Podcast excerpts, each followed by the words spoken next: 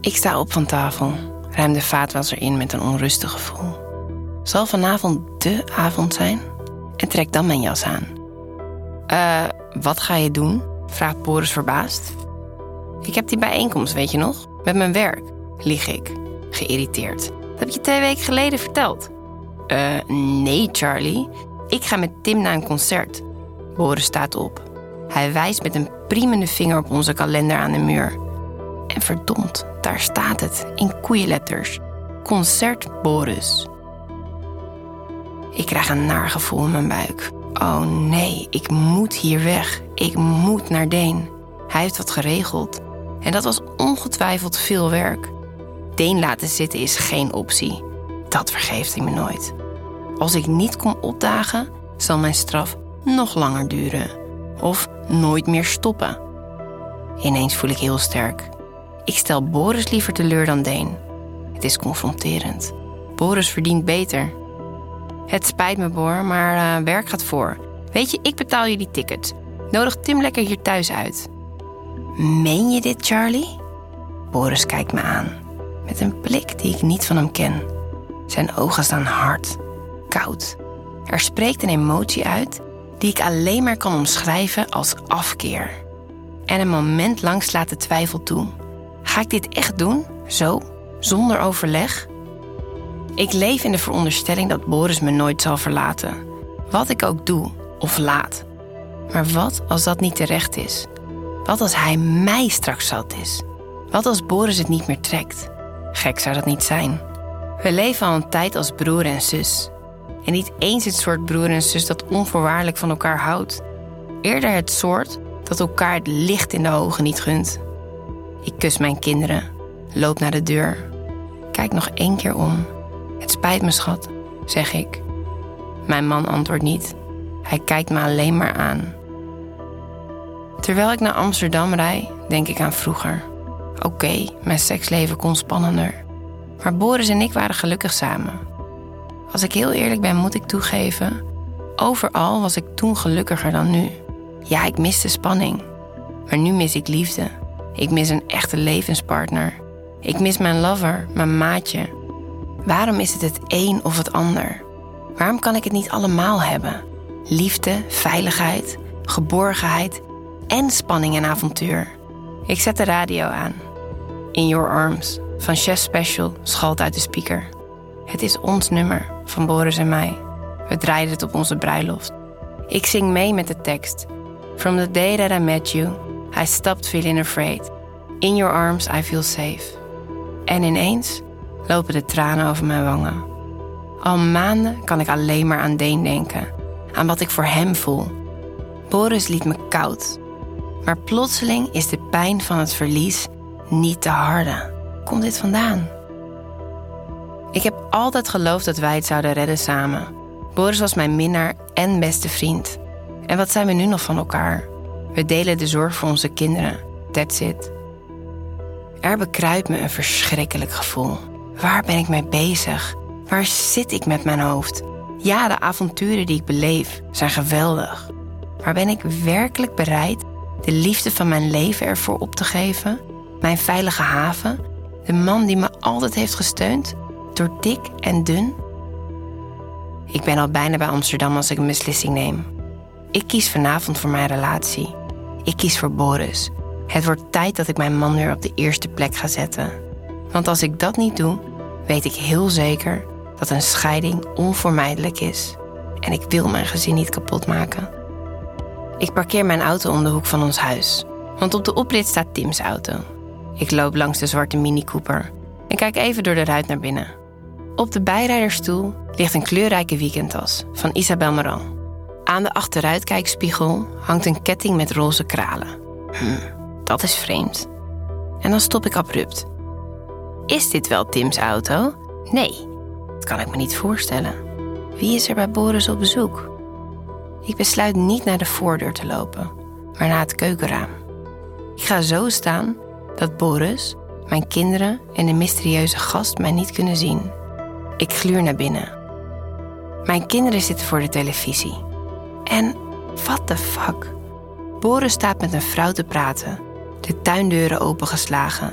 de zon op hun gezichten. Ieder een glas wijn in de hand. Mijn hart wordt koud als ik zie hoe hij naar haar kijkt. Vol bewondering, zoals hij vroeger naar mij keek. Boris straalt zoals ik hem al maanden, misschien zelfs jaren, niet heb zien stralen. Mijn mond valt open. Al die tijd ging ik ervan uit dat Boris genoegen nam met ons seksloze, saaie bestaan. Ik vond hem triest. Ik keek op hem neer. Hij met zijn kleinburgerlijke behoeftes. Maar Boris heeft niet stilgezeten. Dat wordt me ineens pijnlijk duidelijk.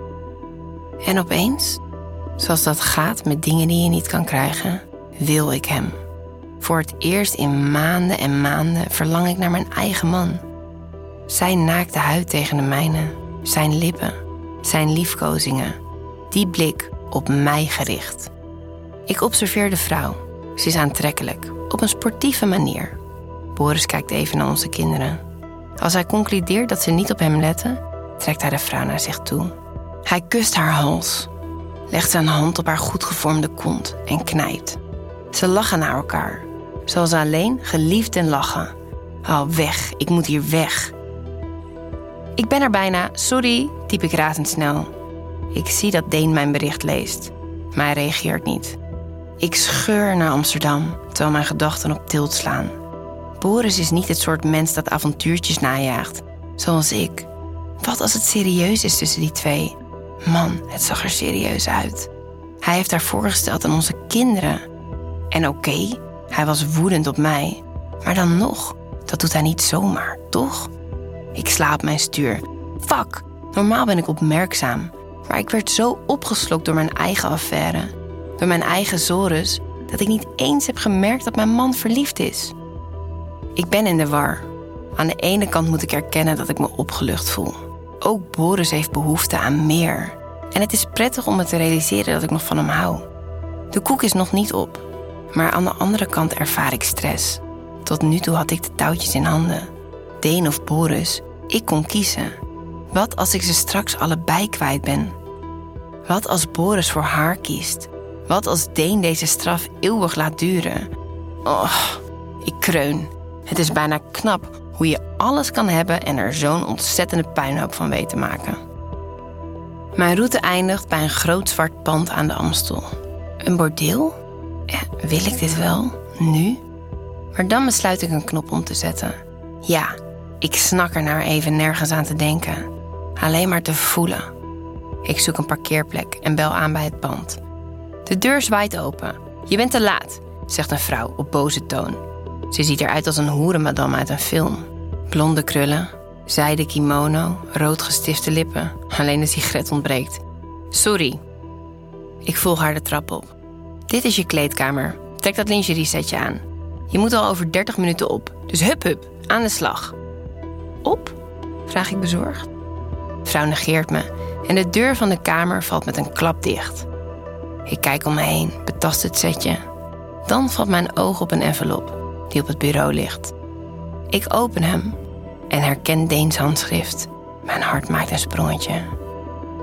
Dat ik me realiseer dat ik nog van Boris hou, doet niks af aan mijn gevoel voor Deen. Die twee liefdes kunnen prima naast elkaar bestaan, wat het leven er bepaald niet makkelijker op maakt. Hi Charlie. Ik hoorde van Alec dat hij tevreden over je was. Fijn, het is een begin. Maar vandaag spant het er pas echt om. Jij gaat een show opvoeren, geld voor mij verdienen. Het is heel belangrijk dat je het interessant houdt voor de toeschouwers. Als je hun interesse verliest, verlies je ook de mijne. Dus doe je best. X Deen. PS. Op deze plek komen alleen bezoekers uit mijn directe netwerk. Iedereen is gescreend. Niemand kent je. Wat er ook tussen ons speelt, je kan me vertrouwen. Vergeet dat nooit. Ik slik. Hoe treurig ook, ik ben blij met dit briefje. Eindelijk een teken van leven, contact, al is het minimaal. Opnieuw schieten de tranen me in de ogen. Shit man, ik ben een mes. Ik verlang naar Deens gezelschap. Ik wil hem vertellen wat ik net heb ontdekt. Mijn wereld staat op zijn kop. En de enige persoon waar ik eerlijk tegen kan zijn, wil maar één ding: me straffen. Ik ben er klaar mee commando's op te voeren, besef ik. Ik ben er klaar mee dat seks niet draait om mijn orgasmes. Na vandaag ben ik hopelijk genoeg gestraft. Ik kijk in de spiegel, fatsoeneer mijn make-up en loop de kleedkamer uit. Daar staat de hoerenmadam al op me te wachten. Kom maar met mij mee. Uh, wat is dit voor plek, wil ik weten. In dit pand kan onze cliëntele zich uitleven. Zoveel mensen, zoveel mensen. En alles is hier mogelijk. Ik neem jou mee naar verdieping 3. De verdieping van de piepshow. Ze kijkt me aan, over haar schouder. Piepshow? Herhaal ik. Ik ben wel eens bij het sekspalace geweest, op de Wallen. Ik keek door een geblindeerd ruitje toe hoe een koppel seks had, op een ronddraaiende schijf. Als er een bezoeker naar je kijkt, wordt de lamp boven zijn geblindeerde ruit groen. Doe goed je best, want deze mensen betalen 100 euro per 5 minuten. Als ze hun interesse verliezen en vertrekken, dan wordt de lamp rood. Capiche? De hoerenmadam kijkt opnieuw over haar schouder. Ze wil weten of haar woorden tot me doordringen. Dat doen ze. Eh, oké, okay, hakkel ik. Wat moet ik dan doen? vraag ik. Dat hoef ik je niet uit te leggen, toch? Ik hoor dat jij wel van wanten weet. Nou, lekker dan. No pressure verder. Ineens gieren de zenuwen door mijn lijf. Ik pakte me dan bij haar arm. Mag ik eerst alsjeblieft wat drinken? vraag ik smekend. Ik verlang naar de kalmerende werking van een alcoholische versnapering. Ze klopt op mijn hand. Natuurlijk, meisje, zegt ze ineens vriendelijk. Even later sla ik een dubbele gin tonic achterover. Ik ren nog even snel naar het toilet en verdwijn dan door het deurtje dat de madame voor me openhoudt. Ik knipper met mijn ogen. Het licht in de ruimte is fel. Meerdere schijnwerpers zijn op mij gericht. Als mijn ogen zijn gewend, zie ik dat ik in een achthoek sta, met in het midden van de ruimte een rond bed. In elke hoek is een zwart, langwerpig raam verwerkt. Daarboven hangt een lamp. De ruimte lijkt in de kern op de piepshow van de Wallen. Maar alles is nieuwer, chiquer. De boel glimt. Ik kijk om me heen. Alle lampen staan op rood, concludeer ik tot mijn opluchting. Ik ben nog alleen. Dan valt mijn oog op een mand, tot een nok toe gevuld met speeltjes. Nou, aan de bak dan maar. Even zie ik Boris voor me. Zijn gezicht, zijn lach, zijn hand op de kont van die vreemde vrouw. Hij geniet op dit moment. En ja, dat is pijnlijk ergens. Maar niet pijnlijker dan het idee dat hij, de brave man, thuis op mij wacht terwijl ik me uitleef. Hij geniet, dus ik mag ook genieten, besluit ik. En voor het eerst in lange tijd voelt mijn huwelijk enigszins in balans. Ik graai in een mand en kies voor een glazen buttplug in de vorm van een penis. Ja, daar kan ik wel wat leuks mee. Het speeltje is transparant en ziet eruit alsof het makkelijk in me zal glijden straks. Dan pak ik de Rosy Gold, een kleine wandvibrator, die ik thuis ook heb. Ik kies verder voor een dildo, glijmiddel en tepelklemmen. Rustig stal ik de attributen uit op het bed. Mijn hart bonkt in mijn keel. Ik moet de neiging onderdrukken om elke paar seconden naar de lampen te kijken. Kalm, gewoon je ding doen. Wie kijkt, die kijkt. En als ze het niks vinden wat ik doe, dan vertrekken ze maar lekker. Het is niet mijn geld. Dan ga ik op mijn rug op het bed liggen. Ik spuit glijmiddel op mijn vingers en duw voorzichtig mijn slipje opzij. Alle lampen staan nog steeds op rood. Langzaam smeer ik mijn vulva in. Ik spreid mijn benen, richt me een beetje op, leun op mijn linker elleboog en laat mijn vingers over mijn anus glijden. Een van de lampen wordt groen. Daar gaan we. Ik beeld me in dat het Deen is die toekijkt. Dat helpt. Mijn clitoris begint zachtjes te kloppen. Ik zet de vibrator aan, op de zachtste stand, leg hem tussen mijn benen. Mag ik klaarkomen vandaag? Niemand heeft hier wat over gezegd. Dat stemt me hoopvol. Het ergste deel van mijn straf zit er misschien wel op. Zou het? Echt? Ik besluit maar gewoon te doen waar ik zin in heb. Ik doe mijn ogen dicht, masseer met mijn vrije hand mijn borsten. Eén voor één. Als ik mijn ogen weer open, zie ik dat de lamp uit is. Fuck, met dit soort basic shit ga ik het vandaag niet redden. Ik moet creatiever zijn. Ineens komt mijn competitieve aard bovendrijven.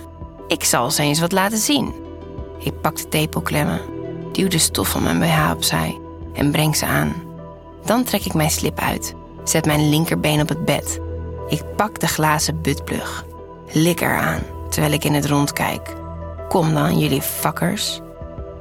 Ik gris de vibrator van het bed, toen ditmaal op een hogere stond. En al snel verspreidt de bekende warmte zich door mijn onderlijf. Ik lik nogmaals aan de glazen pik en ga dan op mijn rug liggen. Mijn ene been strek ik, het andere trek ik op. Het bed komt in beweging, draait rondjes, zodat het uitzicht eerlijk wordt verdeeld. Er gaat een groene lamp aan en nog één. Er staan er nog zes op rood. Daar moet en zal ik verandering in brengen. Ik laat de putplug bij me naar binnen glijden, zo diep mogelijk mijn anus in. Ik neuk mezelf met het speeltje, terwijl ik uitdagend in de richting van de groene lampen kijk. Dan ga ik op handen en knieën zitten. Ik zwaai mijn haren heen en weer, beweeg met mijn billen. En dan rol ik soepel van het bed af. Ik pak de dildo en met het gevaart in mijn hand loop ik langs de ramen. De putplug nog altijd diep in me. Bij elk hokje kijk ik uitdagend naar binnen. En dan springt er nog een lamp aan. En nog één. Nog vier te gaan. Ik ga opnieuw op mijn rug liggen. Mijn benen wijd. Met mijn vingers draai ik rondjes op mijn clitoris. Dan duw ik soepel de dildo bij me naar binnen. Ik beweeg het speeltje heen en weer met mijn ene hand. Terwijl ik met mijn andere hand mijn clitoris betast. Afwisseling is de key. Dat begrijp ik. Net voor ik klaar kom, ga ik rechtop zitten. Ik laat de dildo uit me glijden. Sta opnieuw op. Nogmaals loop ik een rondje, terwijl ik sensueel aan het apparaat lik. Ik laat het speeltje tussen mijn borsten glijden. Ik trek even aan de tepelklemmen, snak naar adem. Auw!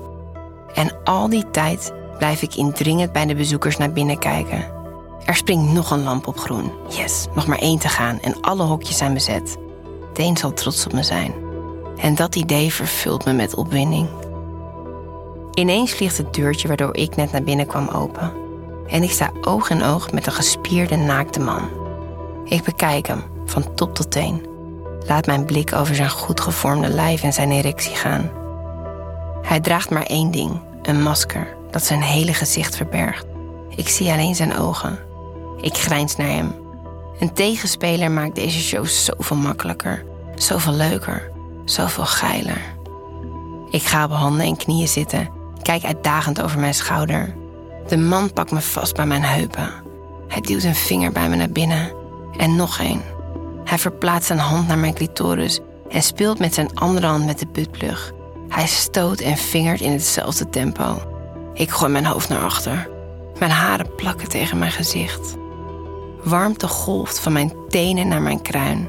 En dan duwt mijn tegenspeler zijn stijve bij me naar binnen. Ik kreun, hijg en kijk dan over mijn schouder. Hoe zit het met dat laatste raam? Wat ik zie, beneemt me de adem. Deen! Hij staat in het laatste raam. Het is niet langer geblindeerd, zoals de andere ruiten. Als we elkaar aankijken, lijkt het alsof ik een elektrische schok krijg. Ik maak me los van mijn sekspartner. Sta op. Loop naar zijn raam toe. Onze gezichten zijn nu zo dicht bij elkaar. Maar nog steeds kan ik hem niet aanraken. Hem niet ruiken of kussen. En dat is de ergste straf tot nu toe. Ik leg mijn hand tegen de ruit. Hij blijft me stoïcijns aankijken. Ik voel de gemaskerde man achter me komt staan. De vingers van zijn rechterhand vinden mijn clitoris. Hij vingert me, terwijl ik Deen aan blijf kijken en hij mij. Ik voel zoveel. Mijn benen worden er slap van. Dan dringt een man bij me binnen. Hij weet wat hij doet. Hij stoot op precies de juiste manier. Vingert me precies zoals ik het lekker vind. Zal Deen al zijn hulpjes trainen? Maar als het orgasme opkomt, het orgasme waar ik al maanden zo naar verlang, denk ik nergens meer aan. Ik blijf Deen aankijken, tot dat niet meer gaat. Het gevoel is zo overweldigend dat ik mijn ogen even afwend. Ik laat mijn oververhitte hoofd tegen het koele glas rusten. Hap naar adem. De gemaskerde man glijdt uit me en ik hoor hem weglopen. Als ik weer opkijk, is het glas geblindeerd. Nee, Deen, wacht, roep ik gefrustreerd. Ik tuur eruit, maar zie niks. Staat hij er nog? En zo ja, kan hij me horen? Het is het proberen waard. Ik leg mijn hand opnieuw op het glas. Kijk naar binnen. zonder wat te zien. Deen, ik ben het zat. Ik mis je. Het is tijd om het te vergeven. De hoogste tijd.